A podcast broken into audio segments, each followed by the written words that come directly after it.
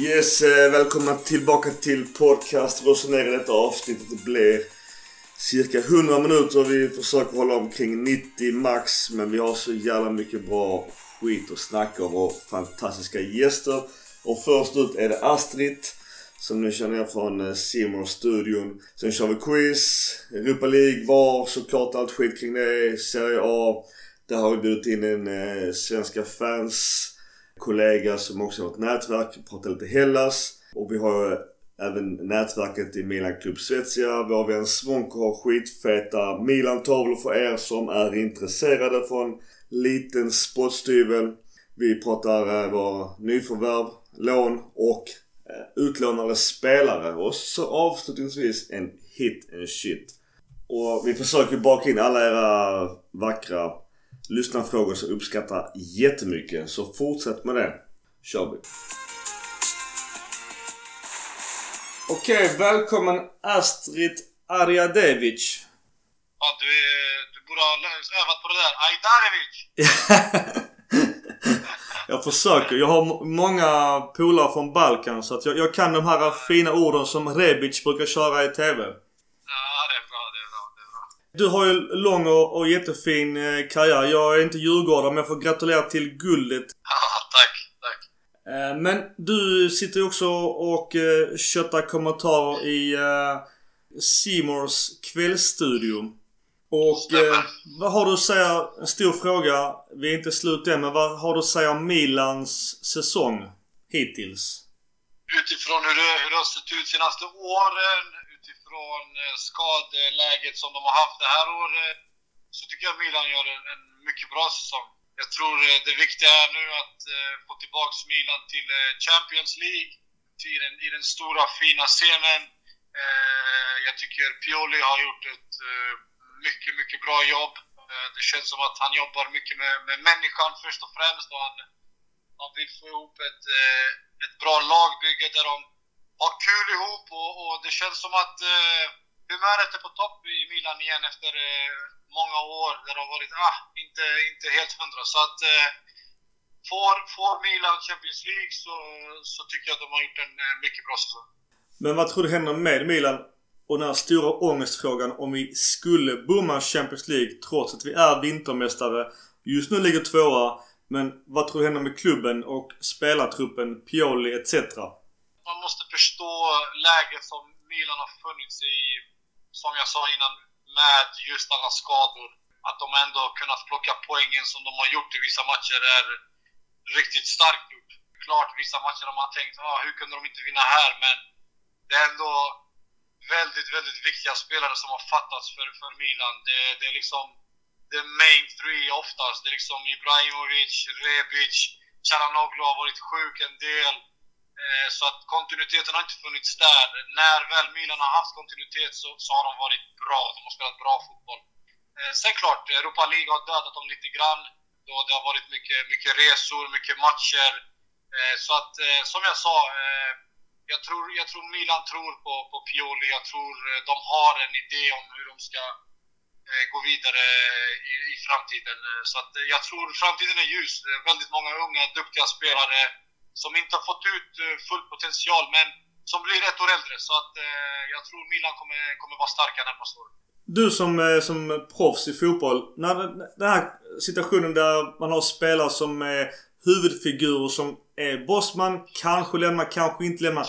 Hur tror du att det påverkar gruppen i sig eller dynamiken kring dessa spelarna?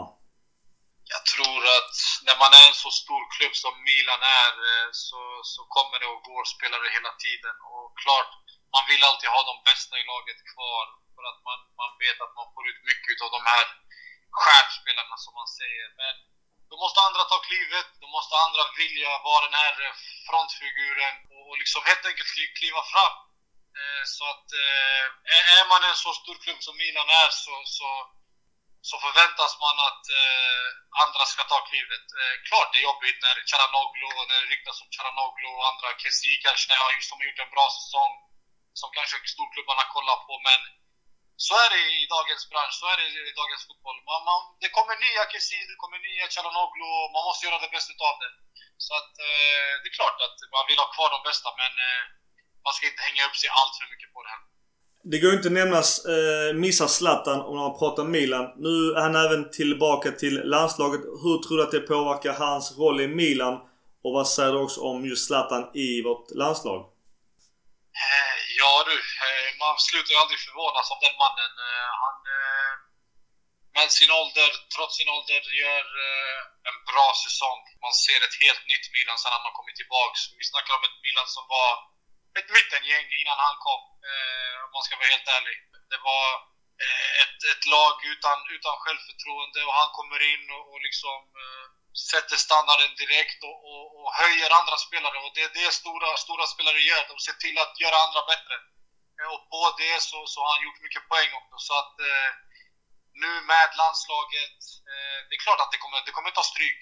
Det kommer ta på honom. Han, han är inte Eh, 20 år gammal, utan han är, han är 39 och, och det är klart att eh, för varje resa han gör och för varje match eh, mer han gör så, så känns det i kroppen. Men han är så pass professionell så att jag tror jag vet vad han gör. och Han har koll på läget. Så att jag, jag hoppas och tror att han förlänger med Milan och att han är kvar och att så länge han, så länge han funkar så ska han fortsätta. Och, och oavsett ålder så, så tycker jag att gör man det bra då ska man fortsätta. Den dagen man känner att ah, det går ett halvår, ett år då man inte presterar på samma sätt, då kanske det är dags att och låta andra ta, ta över liksom. Men så länge han presterar så, så spelar eh, åldern absolut ingen roll. Eh, just med Milan och deras 4-2-3-1. Om du hade varit sportchef för Milan med en hyfsat stor plånbok. Vilka positioner och vilken spelartyp hade du velat se Milan köpa in? Nu förstår jag att det beror på Champions League eller inte i sommar. Men vilka positioner och vilken spelartyp tror du hade kunnat lyfta laget ännu mera? jag gillar inte eh, till exempel Romagnoli. Jag tycker en, en ny mittback, en, en storslagen mittback måste komma in till Milan.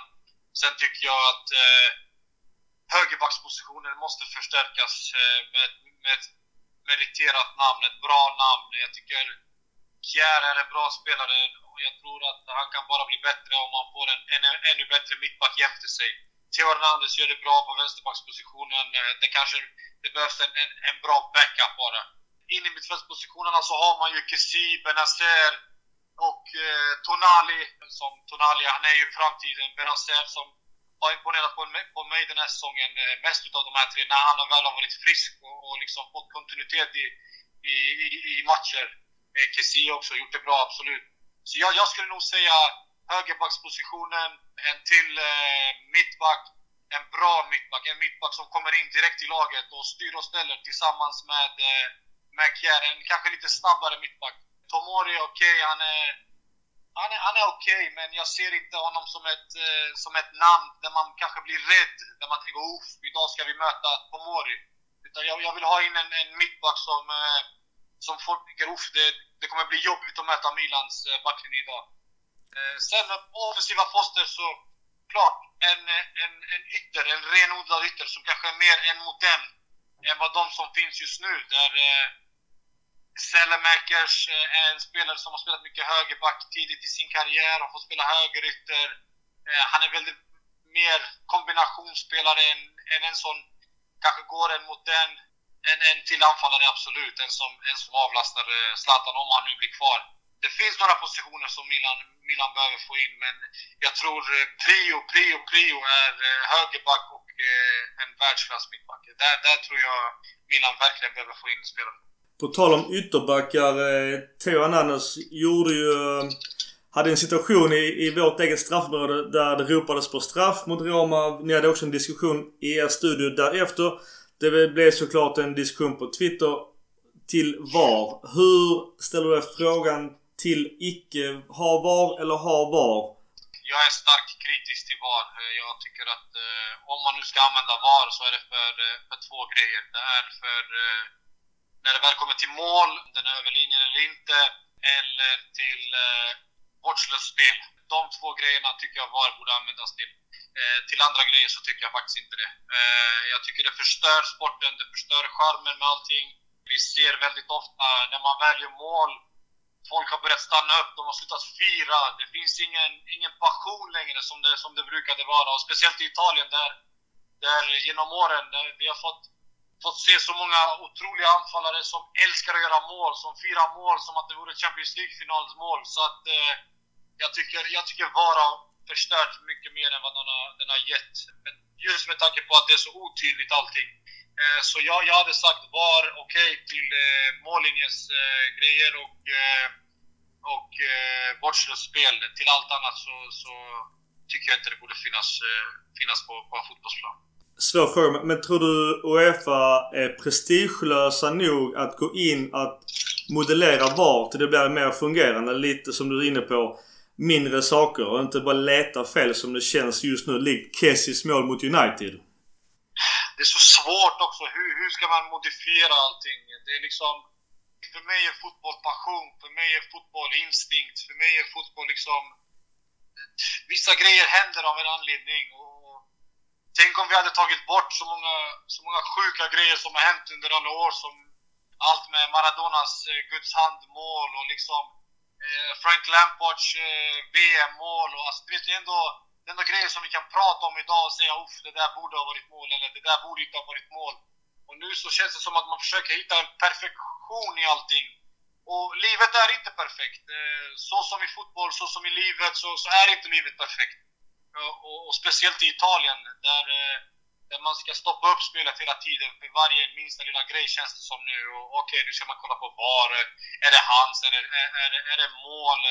Så känslan, känslan har försvunnit väldigt mycket och jag lider med, jag lider med spelarna för att eh, man går och väntar hela tiden på ah, vad händer nu? Har jag gjort mål? Har jag inte gjort mål? Och så samma sak med supportrar. Man, man går och biter på naglarna. Oh, är vi vidare? Är vi inte vidare? Är det offside? Så att, nej, jag, jag, är, jag är starkt, stark emot VAR. Jag, jag tycker jag, som jag sa innan, jag tycker jag har förstört mer än vad det, vad det hjälpt. Astrid, en eh, sista fråga till alla oss eh, nervösa Milan-fans i Sverige. Vad har du att säga om den här viktiga fjärdeplatsen, topp 4?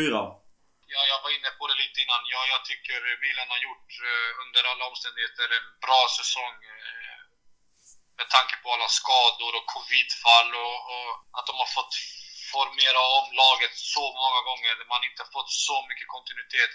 När Milan har väl fått kontinuitet så har de spelat bra. Jag tror, jag tror och, och jag, jag, kan nästan garantera att Milan kommer, kommer vara topp fyra. De kommer få Champions League-fotboll eh, till, eh, till San Siro nästa år. Eh, jag hoppas det för att Milan behövs i, i i Champions League-fotbollen. Det behövs att se dem på, på skärmen igen, där, där de är hemma. Som, som älskare av fotboll så, så hoppas jag verkligen det och jag tror de kommer klara av det. Astrid, stort tack för kloka ord och fortsätt eh, kötta din grej i simor studion Grymt, tack så mycket. Tack själv. Ha det fett Astrid. Ha det bra. Hej. Samma. Ciao.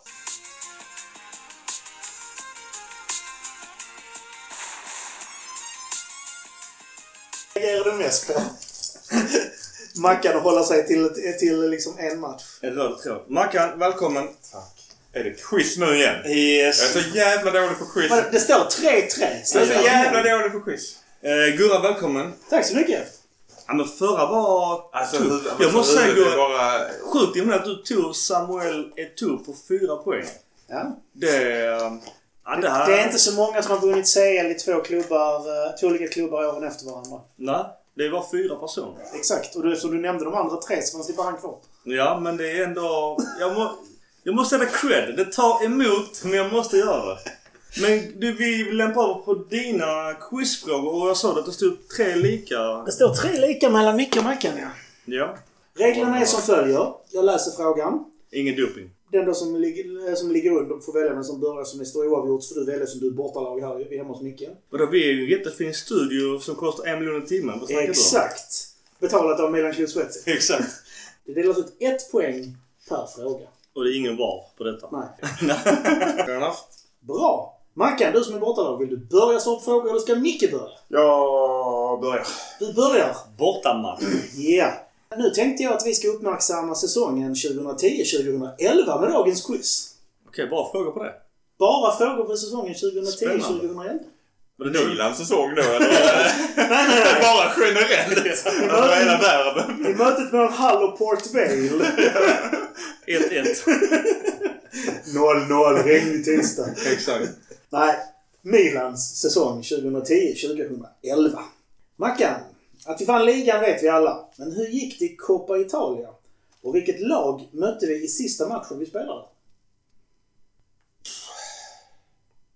Tokchansar säger att vi åkte ut i semifinal mot Lazio. Det är fel. Micke. Om jag svarar rätt eller fel får jag minus eller plus eller spelar ingen roll? Finns inga minuspoäng. Ja, då kan jag bara chansa. Då säger jag att vi förlorade i kvarten mot eh, Fiorentina.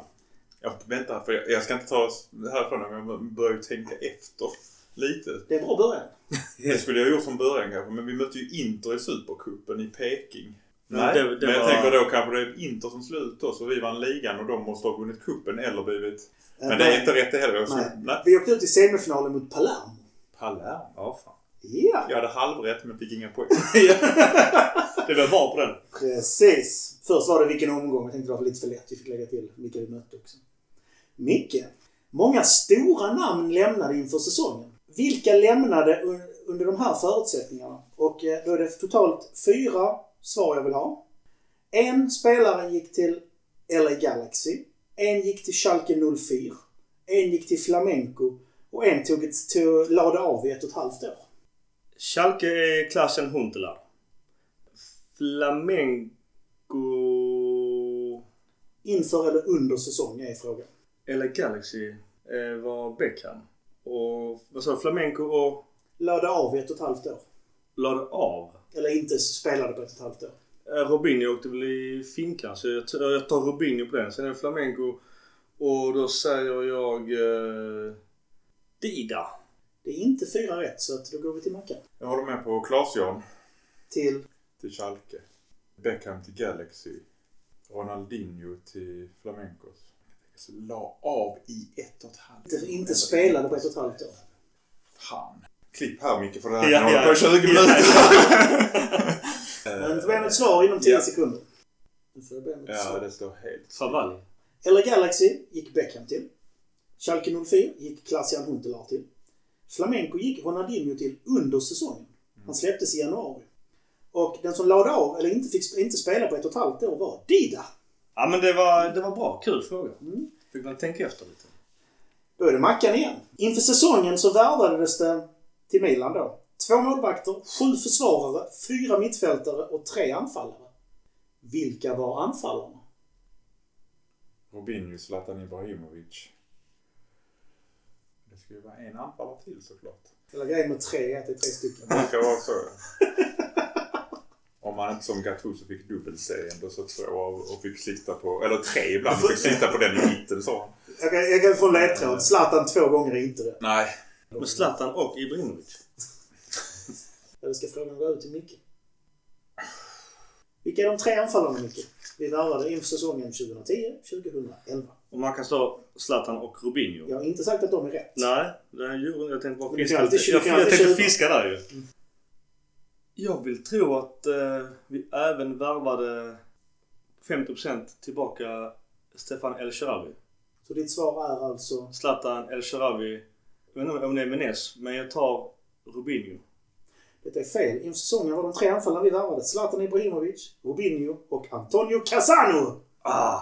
Ah! Då är det dags för Micke. Yes. I Champions League kom vi tvåa i gruppen efter Real Madrid. Men före Ajax och Auxerre. Men hur långt gick vi i Champions League och vilket lag mötte vi i sista matchen vi spelade? Jag har faktiskt ingen aning. Men om jag ska chansa så tror jag att vi åkte ut i första slutspelsomgången mot Chelsea. Det är fel. Kvartsfinal Barcelona.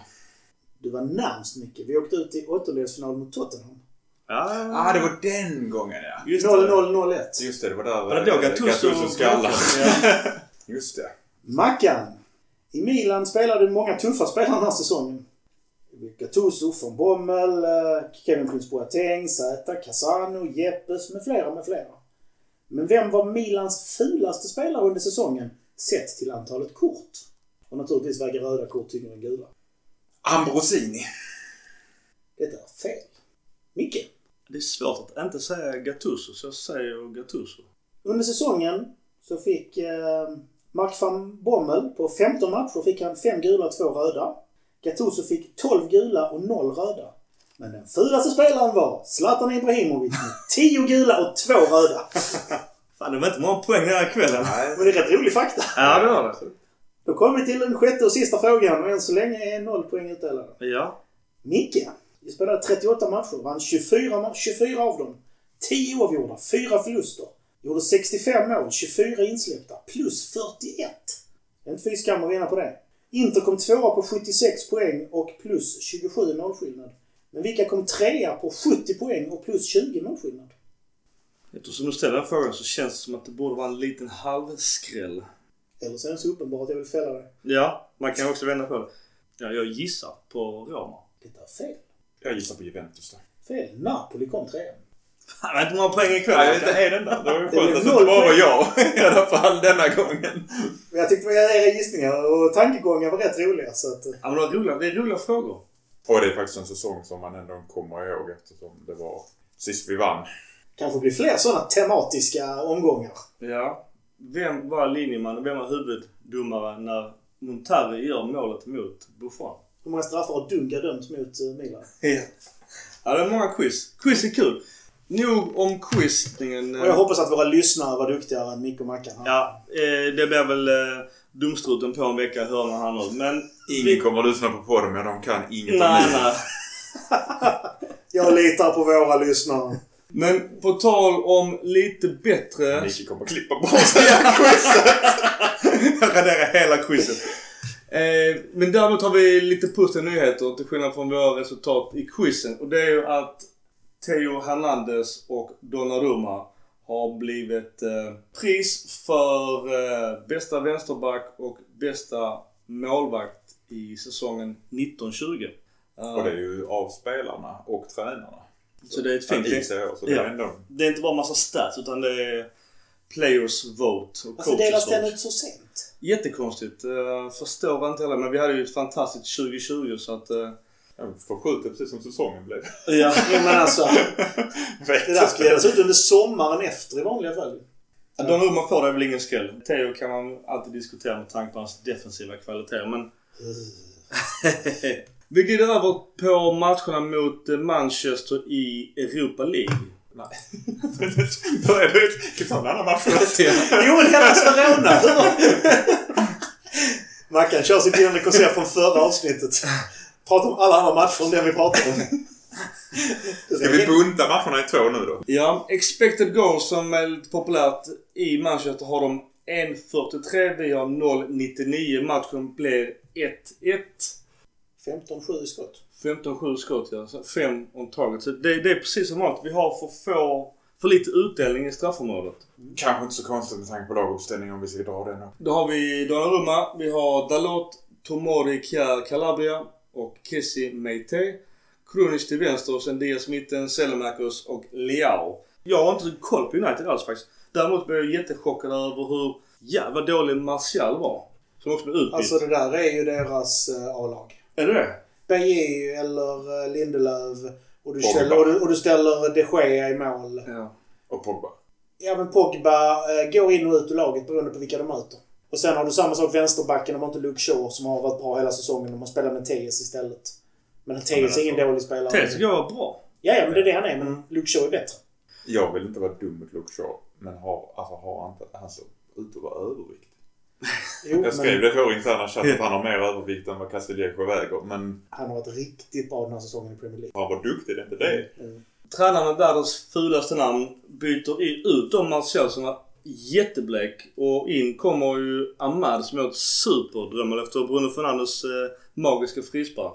Sen så, så, så, kan du inte säga mycket att vi spelar i Manchester. För att vi är faktiskt inte i Manchesters kommun när vi spelar den här matchen. Det vet Ja, just det, Old Trafford ligger utanför. Det är som så här att du, du får inte ta ett namn från en stad där din klubb inte ligger i England egentligen.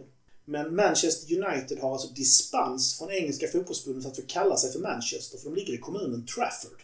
Så egentligen ska de heta Trafford United. Det hade blivit coolare. Ja. Fun fact, det gillar vi. Därav eh, billboarden när Carlos Tevez gick till Manchester City. När de satte upp en stor billboard. Och stod, när han gick från United till City. En stor billboard. Welcome to Manchester. Mm. Carlos Tevez. Fun fact, det gillar vi. Där är två sekvenser i matchen som... eh, Ja, det är svårt att säga att det inte är avgörande. Jag retar mig lite på det. Jag har själv kritiserat VAR från att är stor VAR-älskare. Och det är såklart Kessies mål. Men innan vi tar Kessies mål så har vi också McTominay. Som har ett kort sedan tidigare. Och borde inte han haft ett kort till? Om ni minns sekvensen. Jo, VAR tar inte på gula kort. Nej, det vet, och det har vi också diskuterat. Jag det har tycker det är jättekonstigt. Men vad fan, där är en linjeman och en huvuddomare och det var ganska uppenbart. eh, i- Alltså det där var väl de flesta överens om. Även de som håller på Manchester United. Eller Manchester Trafford. Eh, Trafford ja, United. Trafford United. Eh, att det där hade han tur som kom undan. Det var lite fegt, var det inte det bara? Av eh, Vintage som dömde. Alltså det, det är precis som alla filmningar och allting. Att de tar inte alla de varnar de bör göra. Alla förstärkningar och... Ja, han kanske skulle haft det. Men eh, ett misstag i så fall. Vi ska se, vi byter in Tonali och Castellejo mot Diaz och Selmakers. De har ju haft en riktigt dålig dag. Det är väl också här tyvärr David eh, Calaba går i sönder för att han blev inte uttagen i landslaget. Hade han haft gjuten plats annars. Han blev tydligen skadad mot Manchester.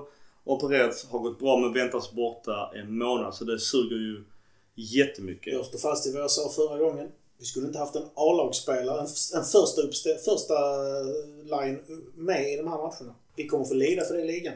Och då går vi till eh, inkastet. Du, du, vä- du väljer den sämsta, alltså den kameravinkeln som verkligen bekräftar vad du vill säga. Ja, det, ja, men jag har faktiskt sett. Jag, alltså jag har verkligen försökt leta. Jag vet, du skickar också länkar i vår interna chatt.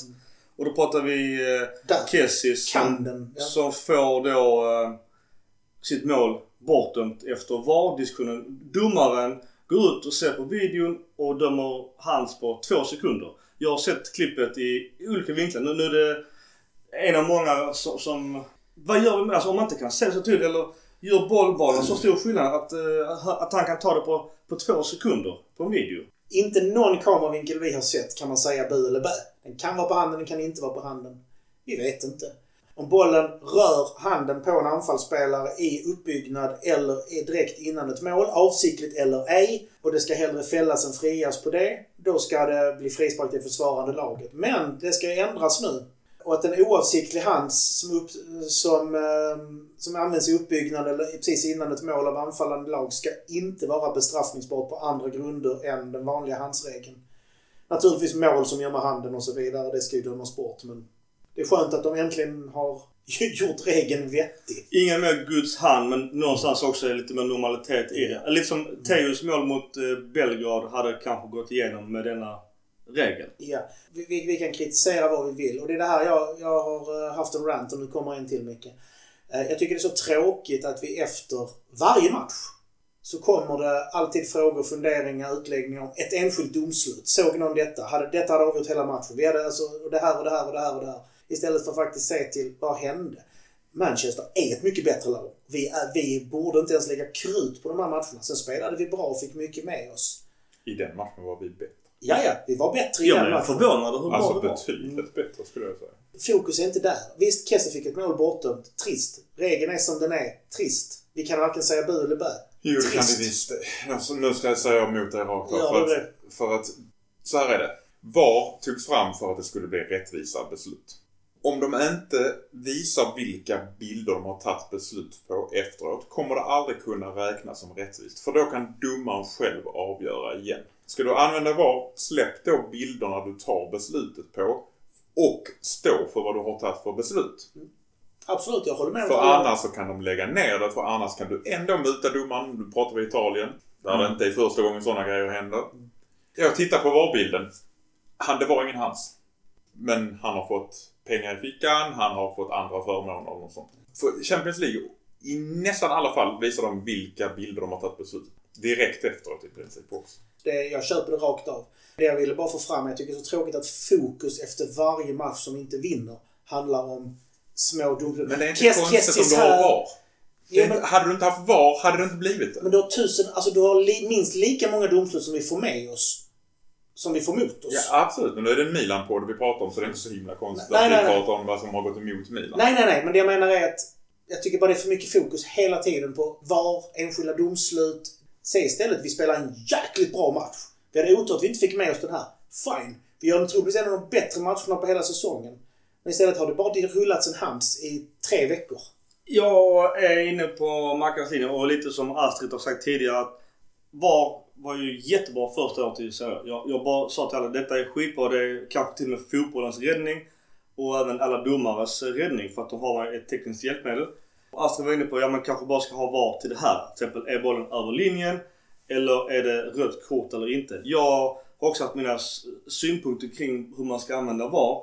Men jag har också sagt att nu börjar man leta VAR och sånt här. Uh, Kessis mål, jag tycker det är direkt felaktigt. Jag, jag har sett alla möjliga vinklar. Jag, jag kan inte se att det tar på hans hand eller att han på något sätt får med sig bollen med handen till hans hjälp eller hur man nu skulle... Alltså inte ens en touch.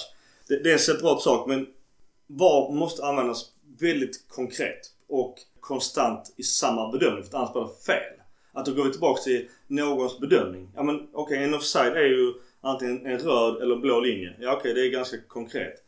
Men nu börjar jag svänga återigen, eller fortsatt, i VAR-frågan. Och Kessis mål tycker jag är ett jättebra exempel på hur fel VAR kan användas. Ja, men- Och sen måste man säga, och, och det målet, det kan ju avgöra. Sen, sen någonstans, hade det varit i serien att vi går miste om ett mål där serien är viktigare. Europa League, jag kan ta att vi, att vi åker upp mot Manchester som var, är bättre lag. Över 90 plus 90 så till fan de är bättre än oss på, för det första. Men vi har inte råd att lägga energi på Europa League. För du vet, det, är- det är ju ingen Manchester-spelare som reagerar på att han tar med handen. Ja, det är trist att ni får emot oss. Och jag måste hålla med dig där Mikael. Sett över två matcher tycker jag inte att Manchester United är bättre. Vi kan glida över på, på matchen hemma på San Siro. Man får ju titta så här, de gjorde fler mål än vad vi gjorde så på det sättet är de ju bättre. Återigen Ole Gunnars byte i halvlek där han byter ut en, en eh, helt osynlig Marcus Rashford till eh, Paul Pogba som han är avgörande. Han gör ett jättesnyggt, jättesnyggt mål. Meite som har fått mycket skit i just den här matchen som annars tyckte jag var lite på gång. Fibblar ju i straffområdet och får inte bort bollen. Jo, det jag skulle säga var. Utan VAR där Micke på den Kessie-bollen så hade domaren fått ta ett i normala fall så hade domaren troligtvis blåst för att han misstänkte att den tog hans och hade inte vågat fria den och riskera att göra en miss. Många sådana beslut såg vi förr. Då, då, då, då och gissar man. Ja men, ja, men, det, ja, men alltså det jag menar. Alltså, Du kan inte blåsa på någonting du inte har sett. nej, nej. Men i de här lägena, i de här matcherna och de här domarna så är de hellre safe än sorry. Då måste jag också... Så, Rätt eller fel? ja, men där, Och då hade, då hade skottet aldrig blivit av. För han Jo men spelarreaktion också. Man ser ofta, alltså sen så visst man, man ska inte bara gå på reaktion på spelare för de, klart de viftar alltid efter sin egen fördel. Men det är ingen Manchester-spelare som viftar på att det är en, en klar hands. Det, det är ingen spelare efter målet som klagar på domaren. Utan alla bara så, alla fyra. Milan springer tillbaka. Och alla är bara så, ja men det är, är konstaterat. Paul Scholes, han är född på Trafford United, eller Old Trafford. Han sitter själv i studion i Sky Sports England och säger att det är ett fantastiskt mål. Ja, det, jag men, det, jag menar är, även utan VAR, så jag är rätt övertygad om att det hade dömts bort. Men då blir det ju återigen fel. För du kan ju inte döma för någonting du inte har sett. Nej, rätt eller fel? Ja, men då är det fel. Alltså det, det kan ju aldrig bli ja, rätt ja. om du dömer för någonting du inte har nej, sett. nej, nej, nej. Men jag tror, oavsett om VAR-folket gör rätt bedömning där eller fel bedömning. Det säger att det har inte vi bilder nog för att se. Vi, det, vi kan bara se på de bilderna vi ser, så ser vi inte Hansen. Då blir det som man Men- inne på. men- att det blir fel av vissa Ja. bilder som inte är avgörande. Men även utan VAR, så jag är rätt säker på att domaren hade blåst där. Det är inte jag i. Men, men det, vi, vi låter det vara. Det blev 1-1 i Manchester och hemma förlorade vi med 0-1. Och 1-1 borta mot Manchester United. Ett skitbra resultat i Europa. I alla fall hemma så um, är Zlatan tillbaka. Han fick ju äntligen möta sin Zlatan och han är ju nära på att göra mål. Henderson gör en jätteenansräddning på en nick i slutet. Eh, vissa vill ha straff på Zlatan. Det vill jag inte tycka att det är. Att, alltså det, han får det som en smekning på, på ryggslutet. Det krävs lite mer än så för att få straff kan jag tycka. Maguire menar du? Ja. Han var på Maguire, hela han- matchen. Han är ganska duktig har jag märkt. Jag tittar inte jättemycket på Premier League och inte jättemycket på Manchester United när det är Premier League. Men under de här matcherna var han ganska duktig på att spela fult utan att det syntes. Mm. Och Lindelöf, om man nu skulle lyfta någon i United, var väldigt bra. Inhoppet som du var inne på, Pogba, det var direkt avgörande även om vi egentligen...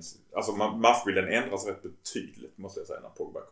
Här ställer United upp förutom, förutom uh, det- målvakten så ställer de upp med sitt absolut bästa lag.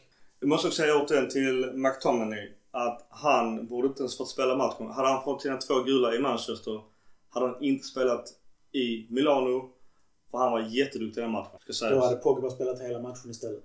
Sen vad det gjort eller inte, men jag, jag tycker att eh, det bör ändå lyftas. Och vi spelar, vi måste, det har vi inte sagt, men uppställningen här, vi har inte en enda anfall. Castello spelar falsk nia. Mot Lindelöf och Maguire. Ja, det är hopplöst. Fred och Tommy är framför som stänger. Som sagt var, Castelleco väger inte tungt i heller i, i någon närkamp. Om man då ska jämföra med när Zlatan spelar i den rollen. Annars, expected goals. Hemma har vi 0,88. De har 0,84. De har mera skott än vad vi har. och Ungefär liknande. Alltså statsen är väldigt lika. Eh, Det är faktiskt bara en big chance och den har vi. Så att de, de gör liksom sitt mål utifrån inte en big chance. Ja, det kan man väl nästan säga för att det är egentligen ett försvarsmisstag. Du, hann du räkna på det, någonting med siffrorna? Nej. Eh, Europa? Nej. Jag har inte heller hunnit. Nej. Vi är ute ur Europa League. Eh, Vi... Dessutom är inte det helt klart för TV-intäkterna räknas om beroende på att det är Corona-säsong. Okej. Så de TV-intäkterna räknas inte på det normala av någon anledning. Och jag frågar mig inte exakt varför. Sen finns det ytterligare en bonus som betalas ut i slutet av säsongen som ger en kompensation i förhållande till eh, fair play och allt sånt där också. Det finns andra delar av det. I normala fall också så finns det en bonus beroende på hur många procent av arenorna som har varit i och sådär. Det, det kan säkert vara påverka TV-rättigheterna Mm. också. Och nu är det ju ingen som har något på läktarna förutom Röda Stjärnan som Ja, tydligen hade folk. Men till nästa avsnitt eh, då jag har mer än en och en halv dags framförhållning så ska jag ha gjort någonting om när vi släpper in mål tänkte jag. Just det, det var också en lyssnarfråga. Mm, Jag hann inte. Ja, för, för en annan Vi lyssnarfråga. släpper in väldigt, väldigt många på de tio första minuterna Ja. i andra halvlek i alla fall. Så Ja, utan ja. att ha någon statistik så har, gör vi det. Det känns så i alla fall. Nej men en annan lyssnarfråga, det kan vi kan räkna på eh, in till nästa avsnitt. Det var just hur mycket pengar vi dragit in, i alla fall i fasta kostnader utifrån poäng. Vi vann ju gruppen och det, där finns ju fasta summor på vad, vad det ger i pengar. Så det, det kan vi räkna på till nästa gång när vi har, när vi har lite mer tid. Annars, Europa, okej. Okay. vi, vi tar summa summarum Europa League från straffläggningen nere i Portugal en regnig kväll med ångest. Vad, Mackan, vad ger du för betyg på vår Europa League-äventyr denna säsongen? Det märks ju att vi inte har satsat fullt på det med tanke på laguppställningar och lagprestationer dessutom. Vissa grejer som, som du var inne på, den här portugisiska eh, blöta kvällen när vi vann på straffarna, det höjde nog vår, vår moral och gjorde att vi kunde spela bättre sen. På grund av alla skador eh, vi har haft och coronafall så har ju Europa League det är en stor anledning till att vi inte riktigt ligger lika bra till i ligan som vi gjorde innan. Så betyg? Totalt betyg får jag ändå ge av 10. Kör vi det? Ja. 10 max. 6,8. Ja. Riktig manager-betyg. Gurra, vad säger du? Europa League? Alltså, vi behövde ju gå vidare från gruppen, det var det viktiga. Eh, och vi gjorde vad vi skulle. Vi slet inte ut för mycket, men jag tycker vi spelade lite för mycket A-lagsspelare egentligen. Men det borde gått lättare. Men när vi går vidare från gruppen så tycker jag vi gör vårt jobb. Då är det en 7-8. Vi slår Röda Stjärnan, det är bra, det är vad vi ska göra. Sen ställs vi mot ett lag, plus samtidigt som vi börjar knacka i ligan, ställs vi mot en av de största lagen. Eh, jag står fast vid vad jag sa förra gången. Vi skulle inte spela en enda spelare som ska ingå i startelvan efter. Nu har vi en skadad Calabria, vi har mer slitage på startspelarna, mer skaderisk. Där sjönk det med två, så att vi är nere på 5-6 där någonstans. 5,5. Fotboll betyg Eh, 6... Vad sa du? 6,8. 6,8. Då säger jag 6,4. Men det är också mycket helhet ändå. Alltså jag kan tycka utifrån att vi har en tunn trupp får man kanske belasta Malini, Masara, Elliot med ekonomin kanske. Däremot helheten från då de här ångestfyllda eh, kvalmatcherna. Att vi ändå togs in, som du var inne på Mackan. Den moralen, om man hade vänt på det andra sidan myntet, hade varit jätteångest och bara mörka rubriker och elände. Så att jag tror att Europa League-äventyret i sig har gett lite pengar också för den delen och viss form av matchande på gott och ont. I, i det här fallet i, med vår form eller slitage så är det ju bara ont. Men jag, jag säger 6,2, 6,3 där någonstans för att, att förlora mot United i, i slutspelet är helt okej då.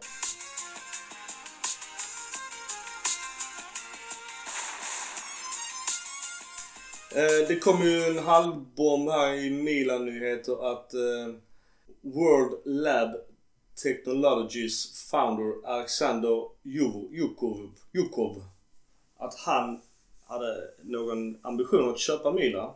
Elliot sades då ha intresse för det.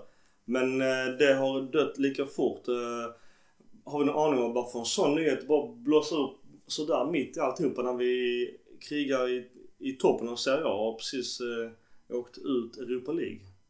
Och finns det någon sanning i det eller, eller är det bara så, kolla läget bland fansen och hur fansen reagerar? Alla var rörande överens om att det var officiella källor som hade släppt den där. Men sen var det väl inte helt eh, officiellt ändå. Så att Jag tror Elliot kommer sälja. Det börjar bli dags för dem nu. de ska jag känner så här att om Elliot ska sälja vill de tjäna pengar på det. Och just nu är det lite svårt för dem att tjäna pengar. Om Milan går till Champions League så har de helt plötsligt ett annat förhandlingsläge. För då får de expo, exponering. Om inte nu till sommaren så inom ett år i alla fall. Antingen säljer de den när vi går till Champions League och, och kan göra en ren vinst på försäljningen. Eller så börjar de sälja spelare och tjäna pengar på det sättet. Vi lämnar den helt och går tillbaka till matcher. Jättejobbig match att förlora mot Napoli och vår kompis Gattusos eh, lag. Pasqua kommer också i eh, rubrikerna. Det var många som tyckte att det var lite väl stor match för honom. Nu blir det ju jobbigt för dig Gurra för nu kommer jag gnälla igen på domare och VAR. Det var en VAR-situation, eh, jag glömmer väldigt få saker ting, i Lazio-matchen där det var solklar straff till Lazio för det var touch på benen. Nu har vi vår gamla kompis Bakayoko inbytt och touchar benen på Teemu Hernandez i straffområdet. ty- Den i slutsekunden. Mm. Du tycker seriöst att det är en straff? Jag tycker det är lika lite eller lika mycket straff som den Lazio får mot oss. Frågan är om det ens är kontakt här. Det, jag kan ta fram en bild. Gärna. Ja, ja, du får, ja precis. Ska vi se. Han är på foten. Ja, då är det straff i så fall. Det var ingen straff för där finns mycket åsikter efter matchen. Ja, men det är en solklar straff. Ja. Sen så Hernandez med sitt filmande så eh, är näst, förstår jag nästan att han inte får med sig någonting. Jäklar vad den ska, då ska ju VAR gå in och säga det. Ja, det ska Även jag om han filmar ihjäl sig alltid annars. Men då är antagligen Utan domaren- VAR hade jag tagit det direkt också Mm. för att han filmar för mycket. Jag tyckte först bara såhär, men det är trams och... Kan vi göra så förresten? Eh, Du kan klippa bort det sen men kan vi skicka, när, när, lägga ut det på Facebook. Ja. Alltså de klippen. Alltså Inte bara problemet här... Så att folk vet vad Ja, vi ja. snackar om. Problemet här är att domaren är... Domaren ropar, domaren gör bedömning, domaren talar troligtvis om för VAR att hålla truten. Om, om VAR-domarna tar det. Och då är det det som gäller. Så att det är nog inte VAR det är fel på, det är nog huvuddomaren som... Huvuddomaren tar denna. För var han blir tillkallad och gör en VAR-bedömning. Eh, Teo lägger upp en bild i sociala medier efteråt eh, och får fått en varning. På han, han, han tog bort den väldigt fort för att han var ju förbannad och det blev ju Därefter blev det också såklart en incident för att han jagar fatt en Napoli-spelare och även då Rebic som gör en idiotisk grej och berättar liksom att domaren mer har en mamma som köper eh, säljer sig i hamnen i Neapel. Och det är mycket på grund av den här irritationen eftersom att Milan går miste om en straff. Och då är jag lite rädd för att trots då VAR ska vara det här rättvisa, rätt och riktigt. Att man tänker, den är tveksam. Theo är en filmare, det vet vi alla. Han förstärker givetvis fast det är en touch som är egentligen ganska klar. Och Milan har fått många straffar under säsongen. Jag kanske inte vågar. Eh, på, påminn mig här. VAR uppmärksammar honom på denna. Ja. Och han går ut och kollar. Ja. Men då är det inte VAR som är problemet, då är det huvuddomaren. Ja. Det är Så. det. Ja, ja, han kollar detta. Ja, ja. Ja, ja, men då Vi är... påkallar hans uppmärksamhet kan vi väl lugnt säga. Ja. Eh, Vi, och det är inte jag här i fall som påkallar uppmärksamheten. Ja, men det, det jobbiga är för jag förstår din situation Gurra, att man tycker att bullet man på och petar på domare och sekvenser som, som är si eller så. Men det här är jätteavgörande i matchen för att får vi straff, kanske, ska jag säga, är 1-1. Då slipper vi svettas av att Nap- Napoli jagar oss om den här jävla fjärdeplatsen. För att de slog Roma här nu senaste helgen och har hängt av Roma mer eller mindre. Roma vinner aldrig sina toppmatcher ändå. Men Napoli är ju jagandes. Atalanta kommer alltid fixa det för de är så jävla bra. Så jag är mer rädd för Napoli och Milan det står mellan fjärdeplatserna. Nej men alltså jag, jag säger det, om man inte gör sitt jobb då ska man ha kritik. Absolut. Och ja, men vi ser ju här i den här, de här vinklarna. Men då är hur har huvuddomaren gjort en bedömning? Den här kameravinkeln har inte jag sett innan. Den de visar på TV är ju den som de visar snett bakifrån och där ser det ut som att man tokfilmar. Ja. Det, det trodde jag också först. Jag vet inte vilken vinkel, men jag hoppas ju att de har gjort bedömningen på rätt. ja, det är svårt att säga. Och det är här jag menar på, det är här min VAR-kritik kommer in. Nu bara, nu bara leker vi med tanken. Vilket lag var bättre i matchen tycker, tycker ni? Jag tycker inte Milan var värda vinst. Men det spelar ju egentligen ingen roll. Nej, nej, nej, inte därför. Var vi värda ett kryss i den här matchen? Ja. Sett till spelet, sett till chanserna, sett till möjligheterna. Det jag tycker det är där vi bör lägga diskussionen. Jag tycker det. Om man ser på Ja. expected goals har vi 1,03. De har 1,10. Vi har 56% boll. Mm. Vi har 13 skott på mål. De har 15. Nu ska jag, nu ska jag vara sån här jäkla aber här igen. Vi har, alltså, vi skapar, vi har 13 skott. Vi skapar 12 chanser. En stor chans. Men vi gör noll mål. Titta på laguppställningen. Man kan inte kritisera statistiken utan att förstå varför. Nej, nej, jag förstår varför. Det är inte det jag menar. Det får vi förklara. Jo, jag det. menar vi, vi skapar väldigt, väldigt mycket men vi lyckas inte få in bollen. Då pratar vi truppen för att, för att dra den så för de som har glömt det har vi eh, Donna i mål. Vi har Dalot på högerbacken där han inte... Han fick ju ganska bra betyg i den här matchen i och för sig. Vi har Tomori som... Eh, han är okej i den matchen. Vi har en nyinsatt Gabriel som har spelat på 3-4 månader. Hernandez han får sitt gula kort när han flippar ut.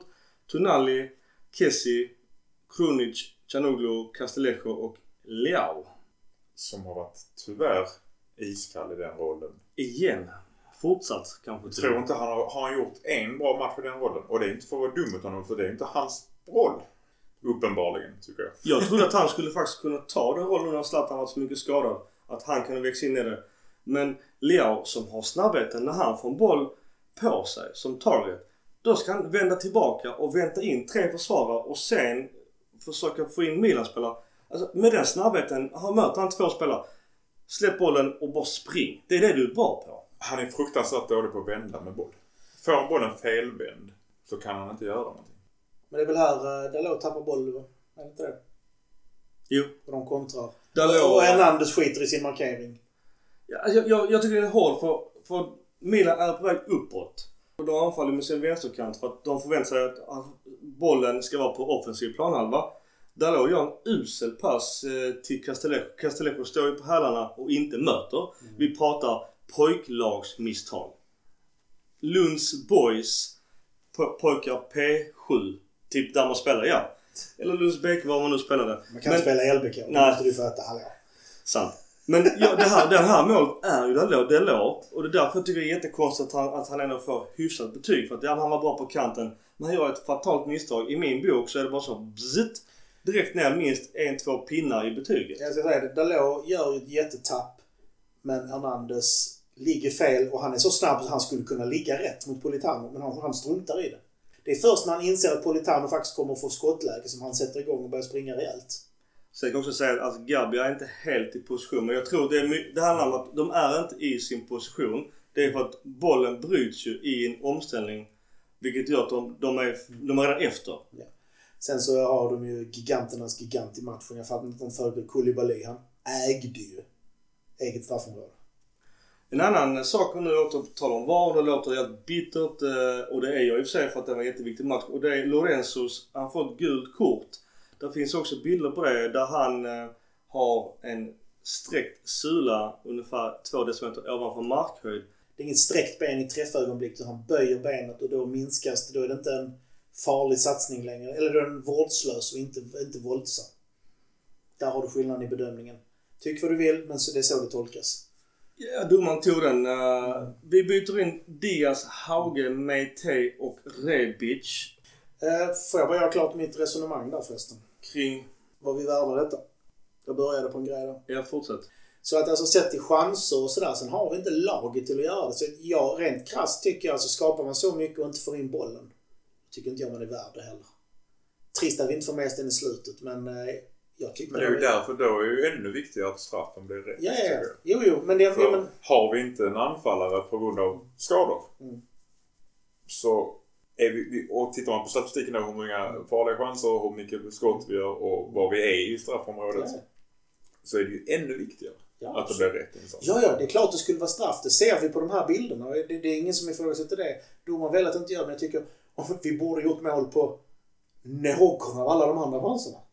Det är den jag vill komma fram till. Och detta, detta sa jag... Så den uddlösheten får vi inte ha. Nej men det sa jag sist och jag vet inte hur många gånger jag har sagt det men återigen vi skapar och om man ser på en, eh, en karta varför var avslut går. Det är svårt att göra det i en audiopodcast, förklara det. Men många skott är ju i straffområdet. Men väldigt få skott antingen går på mål eller att de fastnar i försvarare och det är väl ett bra försvarsspel. Men min poäng är återigen att vi är jätteineffektiva i straffområdet. Nu säger inte jag att alla ska vara som Romario som tåfisade i hörnorna och var fantastiskt duktiga avslutare. Eller Rud van Nistelrooy som bara bombade eller en Batistuta. Men vi måste ha någon form av mer effektivitet och antingen får man göra som Trezeguet gjorde i Juventus. Bara stod och öste eh, bollar på one-touch efter Juventus träningar. Bara för att få in det här momentet. För vi är för dåliga på avslut. Den här matchen påminner ju rätt så mycket om hur vårt anfallsspel såg ut innan Zlatan. Verkligen. Väldigt stort bollinnehav. Många, alltså väldigt nära. Vi var väl aldrig inne i straffområdet utan honom i och för sig höll jag på att säga. Men, men vi fick aldrig utdelning på det. Att Zlatan har betytt någonting för Milan är väl ganska klart. Är utan problem. Och det är det som är värsta den dagen han då skulle eh, lägga av. Och jag vet att de byter in Osimhen. Fotbollslabbet då, Ja, de Ola, Ola det. gjorde ju en jämförelse. För jag frågade den frågan i somras med, med Ola. Och han menar på att utifrån roll och egenskaper och förutsättningar så är just Osimhen den som skulle vara mest lik Zlatan. Han var ju nog rätt jobbig att möta. Kom in och dödade tid och spelade bollen på honom. Det gjorde han ju sjukt bra. Uh, men men uh, jag har sett för lite av honom för att säga att han skulle kunna vara någon arvinge till, till Zlatan eller den här rollen som ensam target i Milan. Är det inte den dyraste värvningen Napoli någonsin har gjort?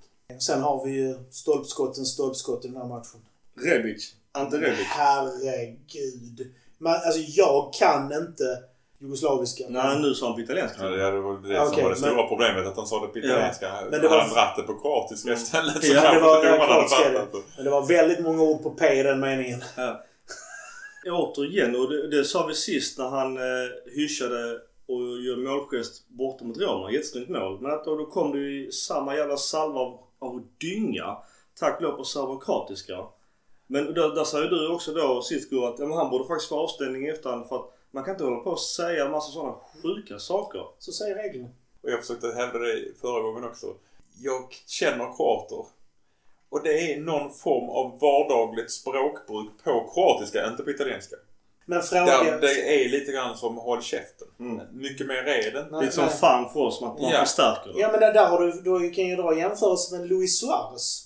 Som kallade för Evra för ne, ne, ne, vad säger, Negrinho. Mm. Som i Uruguay används vardagligt till min, min, min mörkhyade kompis. Mm. Men han sa det i England blev avstängd åtta matcher för Mm. rasism. Ja. Annars, något mer om Napoli? Att vara hemmaborg är ingen hemmaborg. Nej, vi behöver vara 60 000 på läktaren. Alltså av de, den tänkta startelvan så är det fyra spelare som är med nu på grund av skador och annat. Mm. Vi har ju haft mycket skador. Ja, ja, Det var ju ja. någon tabell på just, det var väl just eh, Milan och Parma som har haft flest spelare skadade. Och då kommer jag tillbaks till Europa League igen. Hur kan vi slita ut de spelarna i Europa League? Jag håller med dig men samtidigt så tror jag att vi inte hade något större val. Vi har en hel Primavera som kan gå in U21-spelare och få spela utan att ens Ja, registreras. jo absolut. Jag tror Ja. dock inte att det är så lätt att ta in det. Det finns prestige också i det. Jo, men i det här läget vi är nu där vi måste ta en Champions League-plats. Kommer ta en Champions League. Ja, det har ju Micke redan lovat och du också. Ja, ja. Jag har inte lovat det. Jag har lovat. Sånt vågar jag inte lova. Först lovar du ligatitel, sen backar du på den, men du har lovat en CL-titel. Har jag lovat en liga? Eller CL-titel. Nej, förlåt. En CL-plats har du lovat. Ja, där får vi, då får vi backa bandet. Kolla i, i Kolla dem. Jag arkivet. tror de precis innan runt nyår där, eller?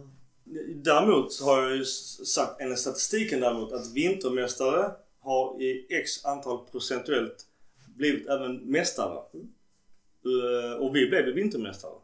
Men förutsättningarna har ju ändrats en hel del sen. Och det kan vi också ta nu för det är också en, eh, en av många lyssnarfrågor. Det här med, med skador. Jag frågade min, min kompis och delägare i, i I-klinik här i Lund. Och det är alltid tufft att få den frågan. Han betalar för den sponsorplatsen hoppas jag. Han ger mig eh, en miljon kronor. Såklart inte. Det var jävligt tuffa förutsättningar. Jag- Det enda jag kunde som mer säga. Ja, alltså tätt spelande, eh, skador, mycket muskelskador och eh, senor. Nu har ju Milan förhoppningsvis, inte Milan labb kvar, men samma kompetens eh, eller ännu bättre, jag vet inte. Vi Men bäst av först. hela läkarstaben för något år sedan till en belgisk läkarstab. Jag tror det var i samband med kinesövertagandet så bytte vi. Det var ju snack om att äta veganmat och liknande för att det har varit väldigt goda effekter kring det men det blev inte så mycket med det sen tror jag. Men i alla fall poängen är någonstans att det är ju utifrån träningsmängder olika träningar och belastningar så Alltså summa summarum för att, för att jag fick eh, jättebra eh, feedback på, på mina frågor. Men som jag också sa kring Europa League och liknande. Jag tror att vi har stressat fram spelare. Man ser att alla går runt med stora tejpbitar här och där. Kjär har ju hela baksidan av sina båda ben tejpade av de här såna konstig kinestejp. Och summa summarum återigen att, att vi har ju fått stressa fram spelare. Jag tror Kjär har varit halvskadad hela hösten och tack och fick då in eh, Tomori. Gabbe gick ju också sönder. Det var ju olyckligt såklart ju. Varnades ganska kraftigt från de många klubbar när det skulle spelas klart en säsong under sommartid. Eh, och ett Champions League-slutspel och ett Europa League-slutspel. Och sen skulle man ha max tre veckors vilotid. Till EM. Det var väldigt många stora klubbar som gick ut och sa, läkarna som gick ut och sa att det kommer att bli väldigt mycket muskelskador. Mm. Och då har det blivit synd inte Milan tyvärr. Fram till och med matchen mot Fiorentina senast. Har vi spelat mest fotbollsmatcher i Europa. På grund av att vi kvalar Mm. till Europa League. Och det kan man också säga om man nu jämför med topplag. Vi har ju tappat vår eh, C-ledning. Som många menar på. Att eh, tänk har Lukaku lika mycket bort som vi har haft Zlatan frånvarande. Eller att man tar bort eh, Brozovic lika mycket som vi har haft borta Benazer. Alltså bara för att göra exempel. Juve har också haft mycket skador. Juve har mycket, mycket bredare trupp. När vi mötte Inter i, var det i somras eller var det till första matchen på säsongen så saknade de ju tre ordinarie mittbackar. Mm. Och det visar sig vara ödesdigert. Ja. Zlatan är läxluga då ju. Mm. Men vi lämnar skador. Eh, jag vet inte om det blev, fick kloka svar från lyssnarfrågan. Och även då Napoli.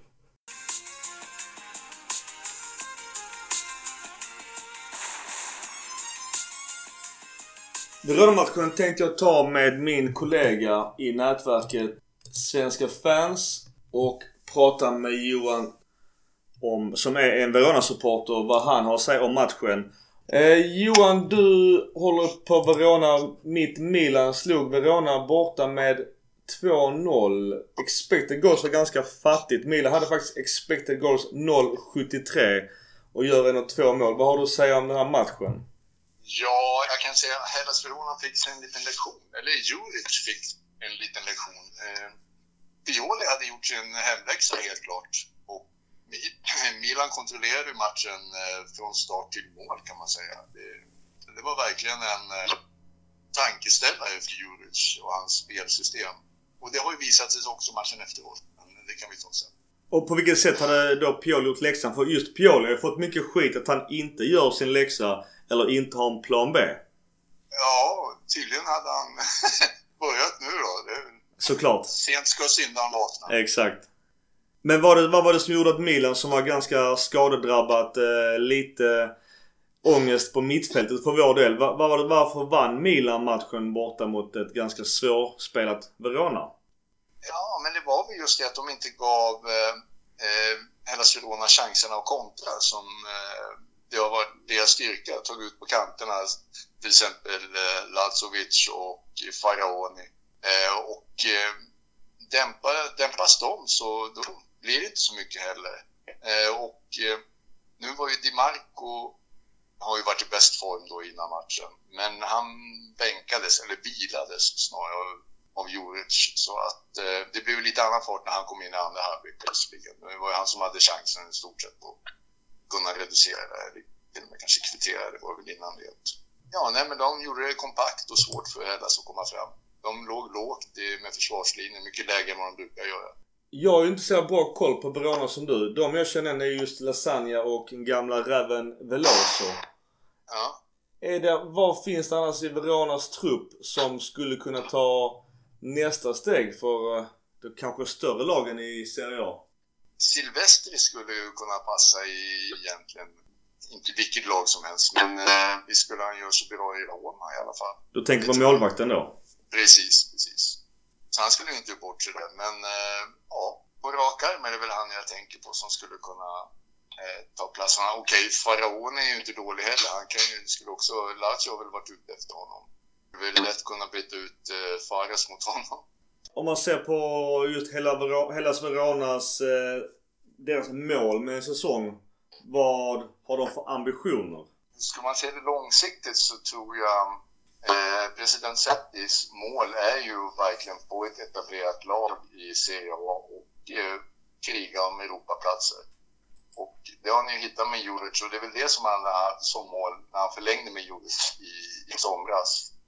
Eh, kontraktet är ju redan klart nu och egentligen Europaplatserna går inte någonting, eh, kommer inte hända någonting med det i år.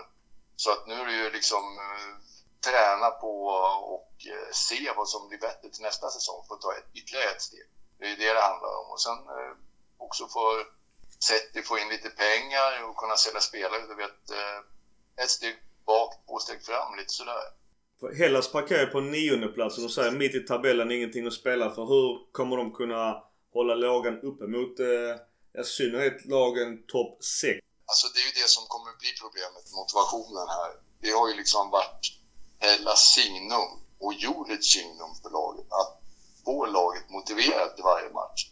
Och det har de oftast fått med att de har haft spelare som har skadade och liknande. Att de har liksom, du vet när man spelar med tio man, att man tar till sig, man kämpar lite extra. Man tar den där extra procenten på och, och gör någonting. Och det har varit lite så i Djurics lag med att de har haft så många skador under säsongen. Att, att de behöver kämpa till sig poängen. Och det har också gjort att eh, när det väl har blivit fullt lag, full styrka, så börjar de slappna av och det blir liksom den där extra energin försvinner och det är ju det som är risken att den gör nu också. Eh, och det kommer ju få jobba stenhårt på med spelarna, att de inte kommer släppa det totalt. Jag tänker just tränaren Djuric, finns det rykte som placerar honom i andra klubbar redan i sommar eller hur går snacket där kring honom? Ja, det är självklart. Det är många klubbar som eh, har han under radarn. Så är det ju. Jag menar, även om det kanske inte är första alternativet hos storklubbarna som Napoli och liknande. Även Fiorentina har ju haft diskussioner om honom. Så tror jag inte att han kommer gå någonstans i sommar utan han kommer vara kvar.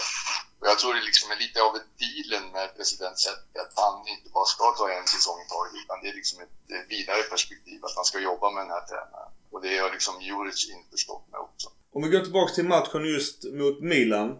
Där ditt Verona spelar 3-4-2 1-0. Är det en taktik de alltid spelar eller var det anpassat efter Milan? Nej, de kör alltid 3-4-2-1. Eh, ständigt. Alltså vi försökte ju med 3-4-1 mot Udinese och kör med två toppanfallare. Och hela säsongen har ju varit urusel med, med målskörden och få anfallarna att bli involverade. Och det blev ju bara ännu värre då mot Udinese med två stycken. Det kändes som två spelare försvann. Alltså att man spelar 9 mot 11 istället.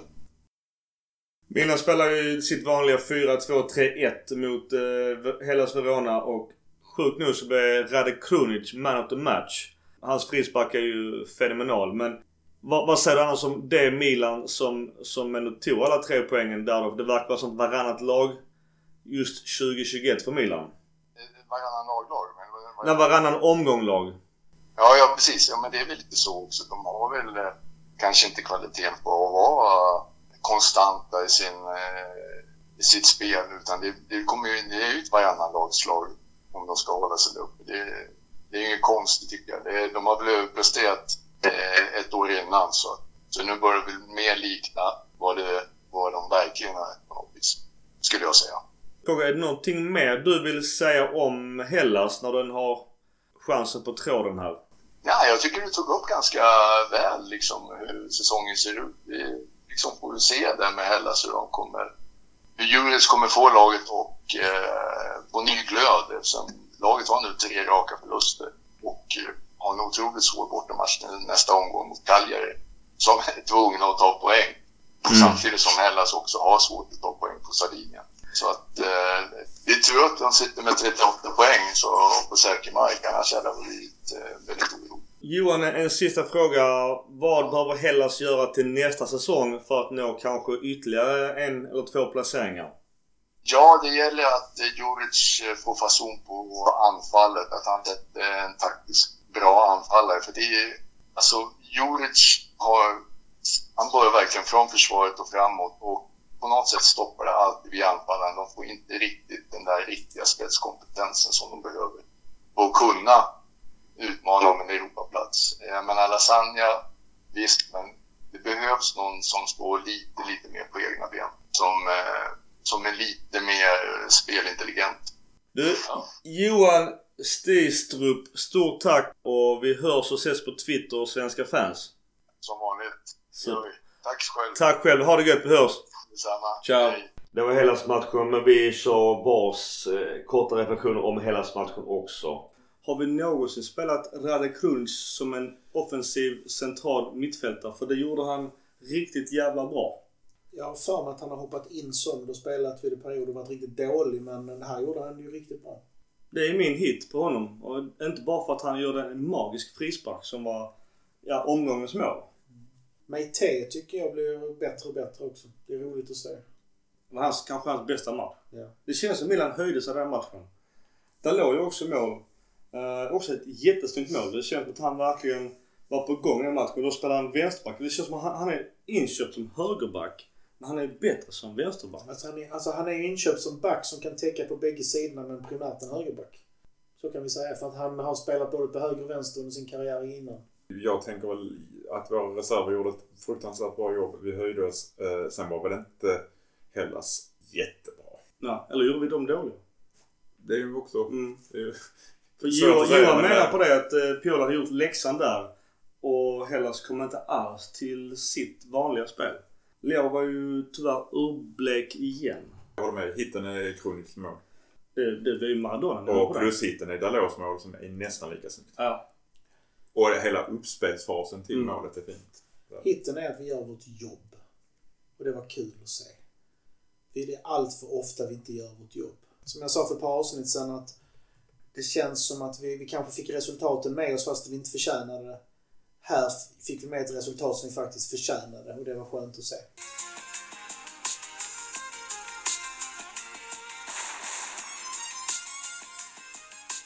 Fiorentina borta och då har vi ju vår kompis Zlatan som har gjort ännu ett rekord. Han är 39 år och 169 dagar.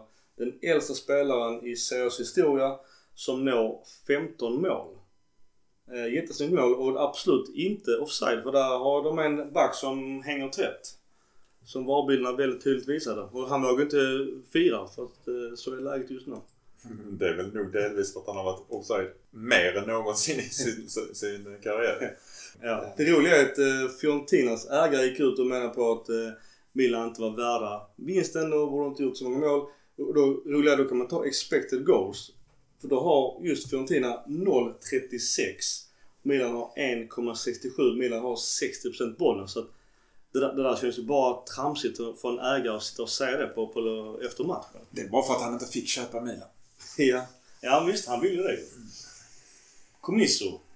Lite bittert. Och, och det kan vi också säga på tal om Fiorentina att eh, Prandelli har självmant avgått efter den här matchen. Oj. Skrev ett långt fint mail till fansen och vet inte om det är en officiell förklaring men Jag gillar egentligen. jag också. Sympatisk man som eh, tyck, la ner fotbollskarriären när hans fru blev dö, dödssjuk. Mm. Och, eh, frisparksmålet som är fantastiskt vackert och Ja. Bulgar. Eh, Ja. det, men, men det är ju vansinnes eh, försvarsspel. Återigen. Men du, vad fan var det Donnarumma gnällde om i, efter det målet? Jag fattade inte. Han var ju fly förbannad. Ja. Jag tänkte så, har det stått någon Fiorentina-spelare i vår mur vilket man inte får? Eller har vår mur inte gjort jobbet? Men de hoppar. Alltså frisparken är ju... Det är Krunic Jag tror han egentligen är skitsur på sig själv eftersom han har bollen Ja. men den går in ändå. Ja. Och det är väl ändå bra. På något Mm. sätt tycker jag det visar lite grint att man blir förbannad när man släpper in ett mål. Ja, man absolut. vänder man sig om och, och ser likgiltig ut. Jag ser ju hellre målvakt som är förbannad när han släpper in än någon som, någon som skiter i det. Precis. Eh, det ska också vara kort info. Vi har två i virket från Zlatan. Eh, jävligt snygg chip. Han förtjänar bättre. Ja, det förtjänar ett bättre. Ja, fan vad snyggt det var. Sen får vi också lägga till deras eh, ribbträff. Pesallas klack. Ja. Hade det Ja, gått in hade det med. varit uh, sjukt snyggt. Det var, han var nästan varit snyggare än Mancini Mm. när han gjorde Lazio för många, många år sedan. Dragowski, deras målvakt, han blir skadad. Jag tror att det påverkar eh, Fiorentina ganska mycket. Zlatans ena ribbträff, där står han ju och tittar på. eh, Den inbytte eh, Tedicano. Ja, den här jag på långt håll som faktiskt tar i stolp. Ja, stolpkrysset. Jättenära. Och det är, tittar man på reprisbilderna så är det meningen. Ja. Det är inte det att han chansar utan han siktar. Det, det syns tydligt på foten hur han rör foten. Ja, jag två assist. eh, han var jättebra igen. Kessie gör en assist. Chanoglu gör äntligen mål. Det känns som en länge sedan men, men han, han är ju ändå den spelaren som har blivit kritiserad men han är fortfarande en av de som skapar mest i sin roll i hela Europa bland topp 5-ligorna. Jag såg det. Det var jättekul statistik. Han har ju växt enormt. Han har fått flytta in i banan och fått lite ansvar. Och faktiskt fått väldigt tydliga linjer. Och det, det är roligt att se Hakan nu när han spelar och tar för sig. Och vågar. Och titta skillnaden när han spelar med Zlatan och när han spelar med Leo. För han, han får ju ytor som inte finns utan Zlatan. För han Zlatan drar ju på sig försvararna som Leo inte gör på samma sätt och rör sig på ett helt annat sätt gör han också ju. För Zlatan rör ju sig smart. Alltså Zlatan påminner om lite grann om Shevchenko där. Röra sig och skapa ytor till andra. Det är Eh, ingen dålig komplimang. Nej, nej. Jag får komma fram till till vem det är en komplimang. Men, eh, eh, men alltså Leao har inte den rutinen. Han är inte den typen av spelare. Och så Det som jag sagt innan, Leao ska egentligen spela i tvåmannaanfall där han bara ska sticka, sticka, ligga och fiska, ligga och fiska, ligga och fiska, sticka, sticka. Det är ju det, det är då han är som bäst. Det här target man på Leao, det är ju redan skämt. Det är, det får faktiskt Pioli ta på sig att han spelar honom i en roll han inte klarar av. Ska han det när vi inte har någon annan? Nej, nej, nej. Jo, men han kan ju ge honom en annan roll. Okej, här, nu, nu kan vi inte spela med target man för vi har inte Zlatan. Leao, du ska bara ligga och fiska på sista gubben och sticka på ytor hela, hela tiden. Vi får ändra vårt spelsystem. Ja, absolut. Vi kan ju inte spela ett spelsystem som bygger på en target man om vi inte har en target man på plan. Nej. Det det- är Piolis ansvar. Och det är lite det han fått kritik för just det här med vad är plan B. Jag måste ändå bara kort eh, drop, namndroppa några. Diaz, han får mycket skit av mig. Med all rätt vill jag såklart tycka i i min egen bedömning. Nu gör han ett mål, det är snyggt. Men jag tycker han fortfarande är för dålig. Jag tycker humorn är att varje gång ni sågar honom i chatten så gör han mål. ja. En annan spelare som också måste lyfta eh, det är ju då Ribéry, magisk spelare. En annan då Vlahovic, han får ju en tröja av just Zlatan efter matchen. Det är väl lite rykte, om det var för att störa Fiorentina. Kontrakt och liknande, det snackas om honom i sommar eventuellt. Också en spelare som får små betyg är Milinkovic. Jag tyckte han var bra faktiskt. Jag tycker hårda betyg på honom. Jag tycker han hanterade Zlatan jättebra faktiskt. Vilket säger en hel del. Men men jag måste namndroppa en annan spelare som egentligen är mitt fokus just nu. Och det är då Sandro Tonali. Man ser rätt stor skillnad när Benazzo kommer in. Och det gör mig hopp. Vi har 10 gånger kvar och vi pratar Champions League. Är Benazzo redo så kommer inte Tonali spela många minuter. Samtidigt så har Tonali växt i sin roll, börjar hitta.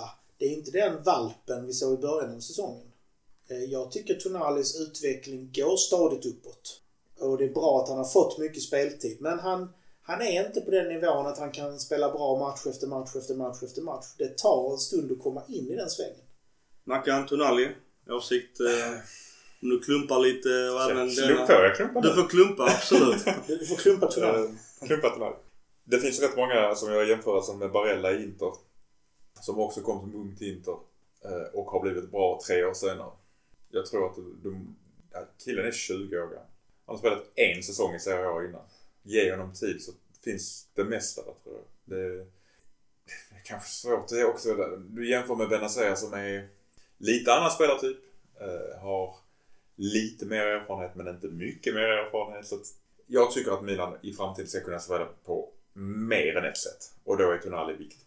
Jag är jävligt glad att Benazer är tillbaka. Jag vill någonstans tycka att med hans inträde eh, på just Tonalis bekostnad så tycker jag matchen vänder där. För vi, återigen, vi är dåliga, tycker jag, oftast vår, vår första från 45 till 55 minuter. Nu, även där vi släpper vi mål. Eh, jag kan ha fel men det är som en spontana känsla. Återigen, jag skrev det till och med i vår chatt. För nu, vi börjar återigen dåligt och det kommer ringa snart. Och det ringde såklart. Uh, när Benazzo kommer in, han tar tag i bollen på ett helt annat sätt. Sen visst, han är äldre, han är mer färdig än Tonali. Så det är fult om jag gör den jämförelsen. Som du sa, Han är kan... inte jättemycket äldre. Det är det. Nej, han är väl två, tre år ändå. För, för Benazzo är ung. Alltså han är extremt duktig fotbollsspelare. Och anledningen till att vi har tappat vår första plats det är Zlatan och Benazzo. Man kan prata Romagnoli etc. etc.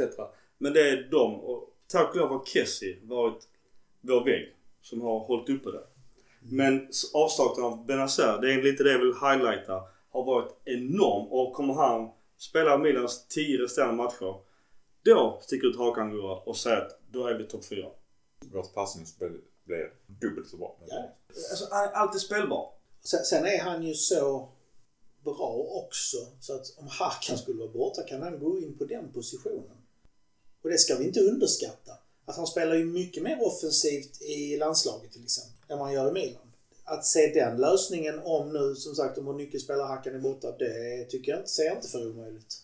Ja, det är intressant att säga för eftersom man alltid är spelbar tänker man alltid är spelobjektiv, ser mycket svårare på offensiv planhalva än sin egen defensiva planhalva. Så att vi får väl se. Jag, jag tycker han gör sig jättebra med Kessie som jag sagt. Äntligen har vi den fyrkanten intakt. Och ännu bättre att Romagnoli är då utbytt mot Tomori. Och jag tänkte också att vi highlightade Tomori för att han var ju Utbytt. Ja, utbytt Inom citationstecken när han är skadad. Officiellt sett är han skadad. Ja. Tror Nej, Romagnoli. jag. Ja, Och nu verkar ju Raiola lite småsur och vill skicka Raiola, eller typ Romagnoli utomlands så inte de har funnit kontrakt som man inte kommer få. Men, Rykten säger att Lazio vill ha honom. ja men det är det jag sa förra gången, man borde ju titta på byte i Lazio. Tillbaka till Tomori, han går han från klarhet till klarhet. Han blev man of the match enligt eh, Milan-fans i världen, enligt Milans eh, sociala medier. Jag trodde inte att han skulle komma in så snabbt i det. Att han hade kvaliteter, det förstod jag när Gurra berättade om det. Jag hade inte sett honom överhuvudtaget innan han kom till mig. Helt ny för mig. Jag tycker han har något som jag har saknat i många av våra mittbackar. Det är att han har den här blicken för att gå offensivt så fort han tar tillbaka bollen. Vilket faktiskt Kalulu hade en match där han var så fruktansvärt offensiv som mittback. Men det här är mycket mer säkert för att han är, är bättre på det defensiva. Det är just Tomori som bryter till sen Hackans mål, dessförinnan. Han har mm, ibland lite markeringsmissar men han går tillbaka och bryter bollen i 99% av fallen. Så att, eh, jag tror att han bara kommer bli bättre och bättre. Lyssnarfråga till dig Gurra kan vi ta då att eh, redan nu diskussioner om fallen att köpa loss honom rätt eller fel. Helt rätt. Innan han blir för bra. Innan Chelsea ringer upp honom och säger du, Det, här, vi förlänger ditt kontrakt eh, och ger dig så här mycket mer lön om du eh, inte... Stanna. det är bara till köp. Vi har en köpoption. Eh, vi, alltså vi får köpa honom om vi vill. Och de, Chelsea kan inte säga nej om vi vill. Nej, det är upp till Det spelaren. är upp, ja. Köper vi loss honom kan vi sälja och han då nu dessutom kommer kanske spela eh, EM för England. Värdet kommer Mm. Alltså du kan sälja honom för det trippla. Ja, Ja, gör det klart nu. Så. Det är det jag menar på som du också var inne på Gurra. Gör det nu innan du bara du eh, säg nej till Milan så kommer detta hända. Ja, det här är ditt för nya kontrakt med Mm. dubbel lön. Och du spelar och du startar från och med nästa säsong. Precis med tanke på att de dessutom har blivit tränare så ja, Chelsea har blivit tränare så, till en riktig tränare om jag får säga så. Från Lampard till Tuchel. Tuchel har ju sagt att eh, han hade aldrig lånat ut Tomori. Ja, jag Ja, tycker det vi är ska göra det nu. Ja, nu innan vi har fått... Och skulle då, Tuchel redan nu börja flörta och säga så men du, du har en plats i min framtid. Thiago Silva som ville till Milan och med hans stora lönepost i och för sig. Han kommer inte spela. Även om han kommer förlänga sitt kontrakt med Chelsea. Enligt eh, Chelsea Sweden. Så kommer ju han bli ersatt förr eller senare. Då är ju Tomori redan en perfekt lösning. Så att de har ryktats 27 miljoner euro. Det är bara slant upp. Alltså vill de ha pengar med för det. Jag pratade också med några Twitterkompisar. Vi kan... Vi har redan slängt massa pengar på den jävla eh, digitala biljetten till derbyt. Jag har inte sett röken av den. Så här är det ju. Det finns ju andra spelare vi inte ska köpa loss i så fall. Ja, och Som kostar i nästan samma härad. Diaz, Diaz för, Mm. Jag är inte säker på att det finns men 25 miljoner har det sagts om det. Skit i det, köp då. Det finns två no-brainers att köpa loss. Det är Tomori och Tonali. Ja. Och det- ska inte ens vara en diskussion. Det ska Nej. göras nu. Så man kan planera för annat längre fram. Det här är ingenting man börjar med en vecka innan eh, lånekontraktet går ut. För jag vill inte läsa sånt att, att Malini och Massara satt på röven och väntade in. Ja, vi var tvungna att bli klara med Champions League. Skitsamma. Kan vi göra klart med Tomori nu? Do it! Absolut, jag håller med. Och Jag tror tyvärr inte att det är upp till Maldini och Massara enbart. Men övergången kan inte ske förrän i registreringsfönstret öppnar. Alltså alla papper kan vara påskrivna. Mm. Ja men det är jag med på. Ja. Ja men skriv på kontraktet. Alltså när det sen händer, det skiter jag i. Men du, alltså antingen får ju Maldini komma med pistolen. Du skriv på här Tomori. Annars så... Meite däremot är jag med Alltså han är bra. Han... Habil, Habil ja. trupp, bredd, ja. Jag säger att han De har ju pengarna. Inte fick kaffepengar. Ja. Men alltså jag ser ju hellre i så fall att vi, vi gör oss av med en Kronic, tar in en bättre där och köper loss Meite. För att Meite har inte de här dipparna som Kronic har. Kronic går ju från superbra till dyngdålig. Men Meite håller en jämn, högre mellannivå så att säga. Högre medelklassnivå. Eh, Tomori, 12 matcher i Milan. 89% pass success, success rate och 89 recoveries, 51 clearances, 41 tackles and interceptions, 24 blocks, 9 fouls committed. Inga kort och inga misstag som har lett till ett mål. Och det är väl lite det som också bekräftar det vi säger att det är ju ett måste-köp. Om man då ser hur mobil han är, snabb, är det ju ett bra komplement till, till Kjär. Mm. Eller Romagnoli, Mm. Som inte är snabb. Ja. Och sen får ni inte glömma det som jag sa förra gången också. För att Passningsfoten. Och, och det var precis passningsfoten. Helt plötsligt har vi två mittbackar som är offen, som har erbjudit offensivt alternativ. Tittar och man, stänger på, de kär så kan Tomori slå dem. tittar man på statistiken och betygen så fick ju Kjär b- högre betyg än Tomori i denna matchen. Men det beror på att han gör två assist. Mm. Ja. Eh, defensivt är, är Tomori bättre. Ja, ja, ja. Det, det, därför får jag mig lite att Astrid sa just det att Tomori var ingen back som han blev wow-rädd för. Jag tycker Tomori är eh, alltså, jättebra mått. Jag, jag gjorde en, en dålig jämförelse och då blev frågan till dig Gurra som följer Premier League. Kontra Chris Smalling som gjorde jättebra eh, prestationer i Roma och helt, helt plötsligt jagade hela Serie A honom. Tomori har redan visat sig vara en mycket bättre variant, som du sa Gurra, än Chris Smalling. Och, för, och vi, han kan vi få för 270 mil- miljoner kronor. Det är jättemycket pengar. Jag ska liksom inte negligera det. Eh, Full respekt mot, mot det pengarna. Men vad får, vi, vad får vi för våra 270 miljoner kronor kontra en Dalot för 200 miljoner kronor till exempel? Jag- Jag ser bara memet framför mig. Shut up and take my money. Ja.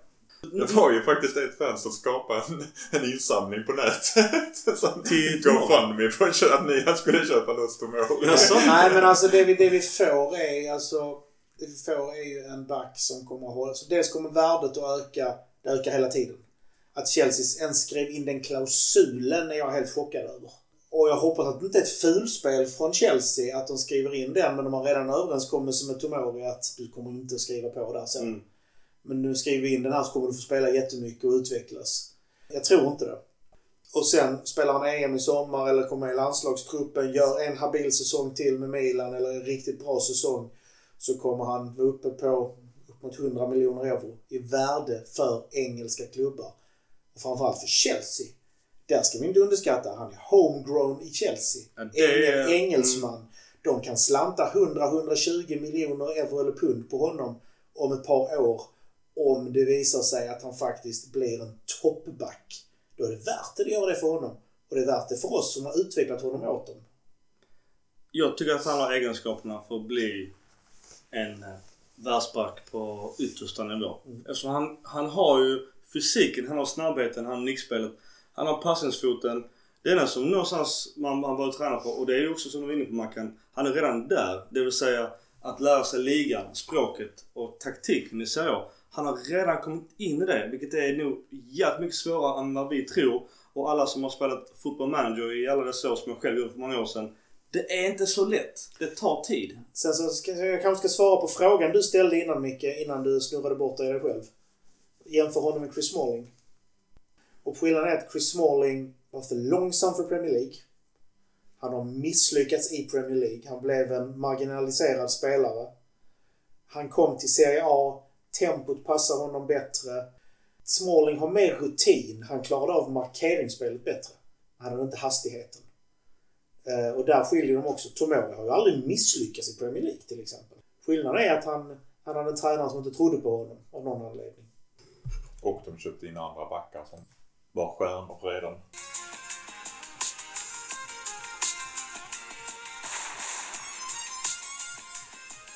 Vi tar en kortis. Zlatan tillbaka till landslag. Vi, vi, vi bara tar den. Eh, Även en ny landslagströja. Jag tycker den blåa tröjan är sjukt snygg. Det var min personliga åsikt. Jag gillar ju kritstrecksränder. Ja, den är så jävla snygg. Det, det blir nog en tröja till i en garderob med massa andra tröjor. Och Mackan, eh, vad säger du spontant? Zlatan tillbaka till vårt landslag. Han jagar ännu fler rekord såklart. Som svensk är man väl glad. Som miljonist är jag inte så glad för skadeproblemen kommer inte bli mindre av. Gurra bekräftar det Mackan säger. Jag pratade om det då redan för innan jul eller vad det ryktades första gången. Att det är glad som svensk men skeptisk som milanista. Ja, jag håller med. Jag vill ju inte säga att han kommer tillbaka till Milan och är sliten och skadad. Det hade ju varit jävligt pissigt och det är bättre att han gör från Granqvist och sitter och tittar på och, och ler lite till kamerorna och tycker det är, ja, att det är schysst att Janne har tagit ut honom. Men det tror du inte Zlatan skulle göra? Han var väldigt... Eh, Han var ödmjuk i presskonferensen. Ja. Väldigt ödmjuk. Nästan Men- konstigt. Ja, det Han, kändes han vill spela. EM. Det är klart han vill. Ja, det är bara Det är därför. klart han vill. Men alltså det kan ju vara jättepositivt för svenska landslaget om han gör precis som han har gjort i Milan, lyft hela laget. Ja. Vi har ju ett ungt landslag. Vi har ett Och lag med lag. enormt potential. Att vår offensiv med Isak, Zlatan, Forsberg och Dejan Kulusevski. Nu glömmer du Marcus Berg. Ja, jag valde inte nämna Lag- Aktivt glömde jag honom. Ja, vi, vi får prata med landslaget i sommar. Vi, Han eh, Göteborgsanfallaren du vet. Ja, han är ju klar för blå, Blåvitt. Oskar Wendt blir klar idag. Vänt också. Det var intressant. Och Hamsik, just det ja. Marek Hamsik! Den är den sjukaste. Fan, jag såg att det var ju även snack eh, om att Honda och Bonny skulle kanske komma till landslaget. Nu blev det inte så. Jag har faktiskt eh, mejlat Daniel Andersson, en sportchef, just om Bonny när de letade anfallare. Mm. Att eh, han är bossman och spelar inte i Kina. Livefråga från Ja. ja. Sravko Zismund. Vad tror ni händer om vi tar oss till CL? Hur mycket måste vi möblera om i truppen? Ny tränare. Jag, jag tror ingen ny tränare. Det är spontant. Men, men blir om. Det beror lite på Hakan och Donnarumma. Om de försvinner så måste vi möblera om. Sen så hoppas jag ju såklart att Elliot... Nu var snack om att eh, det skulle finnas en budget på 50 miljoner euro om man når Champions League. Beroende på eventuella försäljningar eller... får Det som ökar med försäljningen. Ja, då kan det bli lite mer pengar så. Men, men det är klart att vi måste, alla pratar en högerytter. En bättre variant av Sälenmark snackas om. En arbetande högerytter. Inte en, en dribbler. Och Otavio och Tawin som har mycket rykte till Milan, de är ju avskrivna. Så de behöver inte nämna. Däremot verkar ju... Han är avskriven. Nej, först var han avskriven, nu är han på igen. Nej, nej, nej. Marseille. Okej. Marseille. Ja, Porto. ja, han- Killen är avskriven. Porto Ja men jag trodde Tawin också var... Ja, men han var avskriven. Sen så nu, det senaste jag läste i helgen, så är det tydligen inte alls klart att han förlänger. Okej. Alltså oavsett vad som händer med Hakan och Donnarumma så finns det mycket luckor som behöver fyllas. Vi behöver en helt annan bredd på laget. Eh, Jag tänkte att vi tar ett avsnitt sen lite längre fram där vi, som vi gjorde för, för ett år sedan, och kör ett truppbyggar... Ja, det var kul. En sista lyssnarfråga det är just där ångesten med vad som händer Donnarummas kontrakt. Det är inget nytt. Däremot så har det faktiskt börjat eh, sippra ut vad vi eventuellt skulle göra om han skulle lämna. Och då är det ju Mike Magnen från Lille som är den som nämns. Jag, jag också, jag hajar till bara till vem fan är det? För jag var ju säker på, på tal om vårt lagbyggare i somras när jag hade Musso, Udnesens mål, målvakt. Jag tänkte ju att han måste ju ligga bra till. Men eh, ja, alltså det får också bli en bubbla. Det, det är en tuff fråga. Jag, vi, vi, ingenting nytt med Donnarumma och inget nytt med Hakan heller. Förutom att Hakan har någon lejontatuering och vill kanske flörta lite med Galatasaray. Vad är det fel på Antonio Donnarumma? Kan inte han ta? Han har bättre statistik. Ja, precis. Han är målet jag har bäst statistik av alla. Han förresten klippt sig eh, Tata Luciano.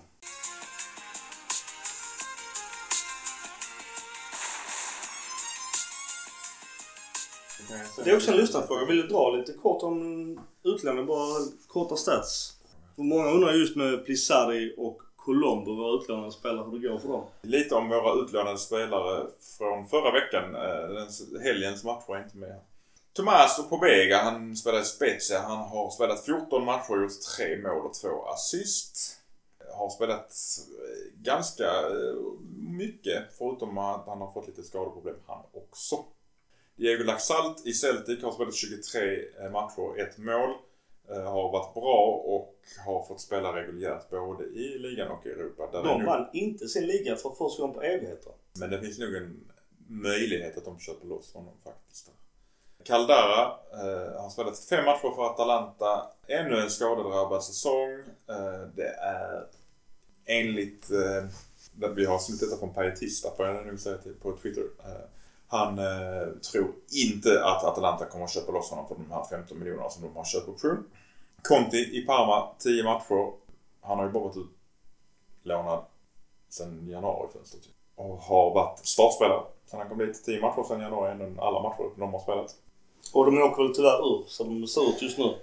De har ju en möjlighet att göra det permanent, tra- transfer. Men det är ju frågan om de har pengarna till det. Och vill han spela Serie B i frågan. Sant. Om inte annat så ser du ju att han visar att han kan spela 10 matcher i rad och inte bli skadad. Att någon annan klubb säger jag kanske vill punga upp de här 7-8 miljoner eurona om inte Ja, och frågan är, alltså, så om vi då pratar om Dalot och köper loss honom för 20 millar. Eller ta till Eller tar tillbaka Conti. Ja. Det jag som det är skitsvårt att bedöma Contis tid i Milan eftersom han i princip var skadad varannan match. Håller med. Det är synd för att han var ju den vi hade med bäst inläggsfot utan, utan tvekan. Ja, för ingen av våra andra högerbackar kan göra det. Exakt. Eh, Leo Duarte, han är i ett eh, turkiskt lag som jag inte kan uttala. Eh, Base Hekahir. Eh, han har spelat 12 matcher, eh, 18 månaders lån. De har möjlighet att köpa honom. Det kan vi bara spekulera hur det blir om 18 månader. Bresciani som vi tyckte var lite konstigt att vi lånade ut kanske. Eh, för Han hade ändå visat framfötterna när han blev inbytt. Eh, Han har spelat i Vir- Virtus Entella 23 matcher, 2 mål och 2 assist. Varit startspelare hela säsongen förutom en månad när han var skadad. Och har väl ändå gjort bra ifrån sig för att vara hans första professionella säsong. Plissari, Regina, 10 matcher, 0 clean sheets. Noll mål. Han har gjort noll mål, ja. Han har släppt in mål i varenda match. Eh, Han har varit eh, startspelare men ganska kvickt blev han då bänkspelare. Eh, Tredje säsongen på lån i Serie B och han har inte utvecklats i den som på det sättet vi hoppades. Siadut utlånad till Citadella, anfallaren. Tre mål och tre assist på 24 matcher. Startat de flesta matcher. Eh, Gabriel Belodi i Alessandria, nio matcher. Eh, han spelade för Serie C alltså. Eh, sporadisk speltid. Ganska dåligt med tanke på att han har varit startman de senaste två säsongerna. Så att, det, ja, jag visste knappt vem det var om jag ska vara helt ärlig när jag läste det. Eh, Lorenzo Colombo, Cremonese, sju matcher, ett mål. Supersub har- kallas han. Eh, Också, ut, han- också utlånad bara från, Bara utlånad. från januari. Från januari. Jag tror ju att han behöver vara utlånad lite. Absolut. Absolut. Absolut. Capani utlånad till Santander fem matcher. Har också varit en supersub. Kallar de Colombo för supersub på ett mål. ja. Måste ha ett väldigt snyggt mål. Ja, Det tråkiga är att Plissari att han inte tar de stegen som man hoppades och många trodde. Så att han kan vi ju inte räkna med att han kommer att ta efter Donnarumma om man hade hoppats på det. Det är ju Peppes Podega som man hoppas på att eh, han kan gå in. Men vi har, vi har en delägare i Atalanta. Peppes Bodega. Ja. Jag vet vad det är i filmen. Vem? Va? På, Thomas Bolbega. Alltså Pobega, ja. Uh, jo, eh, han som... Pessina. Jag tror inte vi deläger honom. Jag tror de äger honom men vi har en uh, återköpsklausul. Jag sa det, ja precis. Så Ja. vi slipper betala 50% av värdet kan vi köpa honom för ungefär. Ja, men han är ju 23 år gammal och spelar... Om vi skulle tappa Hakan till exempel så är ju Pessina ett perfekt eh, spelare att ersätta Hakan med. Nej, Lucatelli. Lucatelli blev ju dyr och ryktas till Juventus tyvärr. Alltså vi pratar så 40 miljoner euro.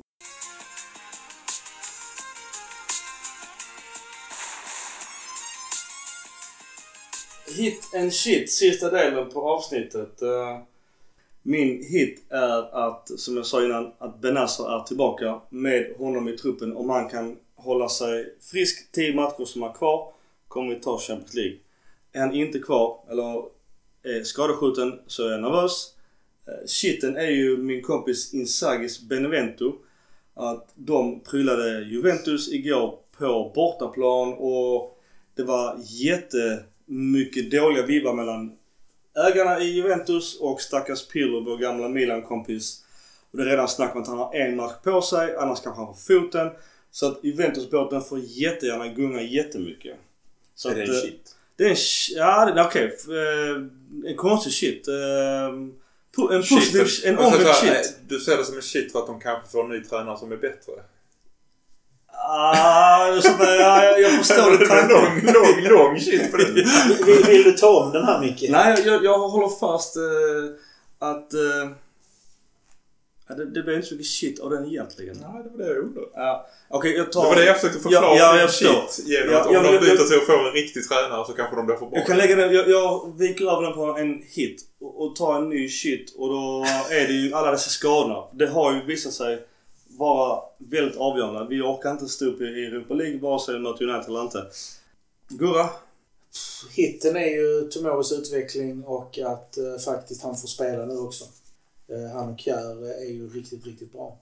Jag har en där. Det första är ju att eh, Pioli inte använder Leao på rätt sätt. Att han försöker spela samma taktik med Leao som han gör med Zlatan. Och jag förstår att Leao ser ut som han är eh, en 16-åring på ett kollo för 7-åringar och inte vet vad han ska göra eller någonting. Han är helt väck. Och det är ju för att han inte används rätt.